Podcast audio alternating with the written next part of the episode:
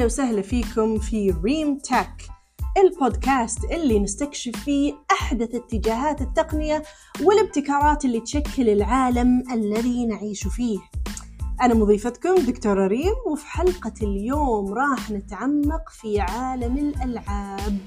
وراح نلقي نظرة فاحصة على أدوات الذكاء الاصطناعي التوليدية أو ما يعرف باللغة الإنجليزية باسم Generative AI Tools الجديدة من لعبة Roblox مستعدين؟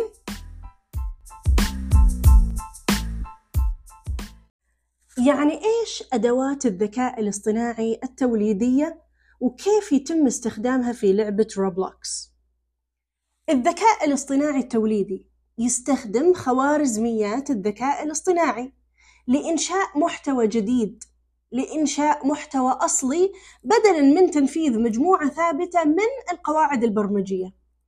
وبشكل أساسي يتم استخدام هذه الأدوات من قبل مطوري الألعاب أو ال game developers علشان ينشؤون أصول جديدة مثل الشخصيات أو البيئات أو العناصر اللي ممكن يستخدمونها داخل اللعبة.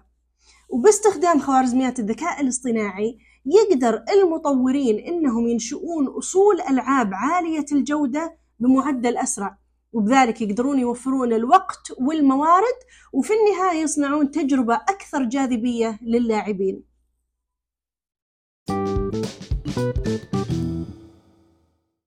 ولكن كيف تعمل أدوات الذكاء الاصطناعي التوليدية في لعبة روبلوكس؟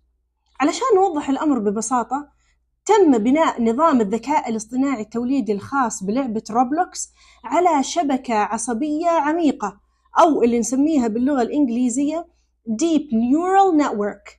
تم تدريب هذه الشبكة على كمية هائلة من البيانات بما في ذلك أصول اللعبة الحالية تعليقات اللاعبين.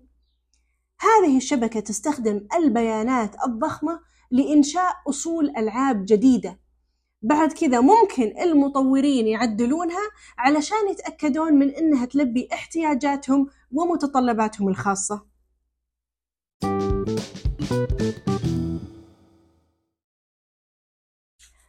إحدى الفوائد الرئيسية لاستخدام أدوات الذكاء الاصطناعي التوليدية في لعبة روبلوكس هي إمكانية استمرار الابتكار في تطوير اللعبة من خلال القدرة على إنشاء أصول ألعاب جديدة بسرعة وبسهولة وبكذا يقدرون المطورين الديفلوبرز إنهم يركزون على إنشاء آليات لعب فريدة وإنهم يسردون قصص وعناصر أخرى تميز ألعابهم.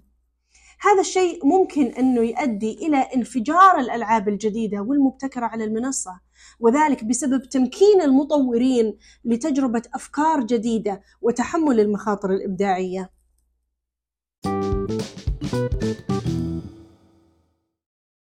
من المزايا الأخرى لاستخدام أدوات الذكاء الاصطناعي التوليدية في لعبة روبلوكس هي إمكانية توزيع الميزات وخيارات التخصيص.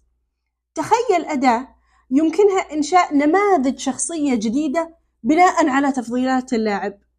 أو أداة تقدر إنها تنشئ بيئات ديناميكية تتغير بناء على مدخلات اللاعب. تستطيع هذه الأنواع من الميزات إنها تعزز تجربة اللاعب بشكل كبير جدا على المنصة وتجعل روبلوكس مكان أكثر جاذبية للعب والإبداع.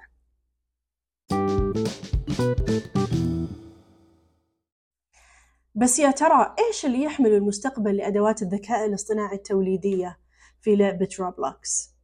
بصراحة الاحتمالات لا حصر لها مع استمرار تطور التكنولوجيا نقدر أننا نتوقع رؤية ابتكار مستمر في تطوير اللعبة وميزات موسعة وخيارات تخصيص لا حصر لها وتجربة مستخدم أكثر جاذبية على النظام الأساسي.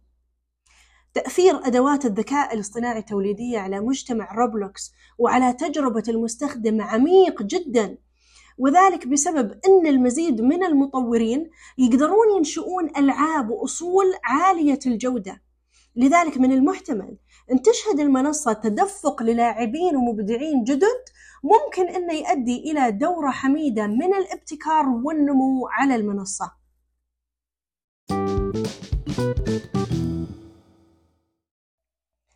إذا أخذنا نظرة سريعة على كيفية تغيير أدوات الذكاء الاصطناعي التوليدية الجديدة من لعبة روبلوكس وكمان شفنا أن إمكانية استمرار الابتكار والنمو في تطوير الألعاب هائلة جدا. وبصراحة ما إحنا قادرين نستنى علشان نعرف إيش ممكن يخبي المستقبل لهذه التكنولوجيا الجديدة المثيرة.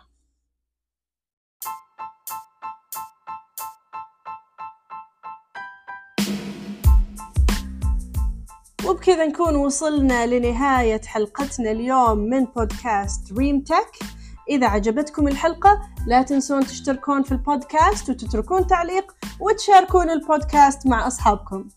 شكرا على حسن استماعكم ونشوفكم المرة الجاية. السلام عليكم.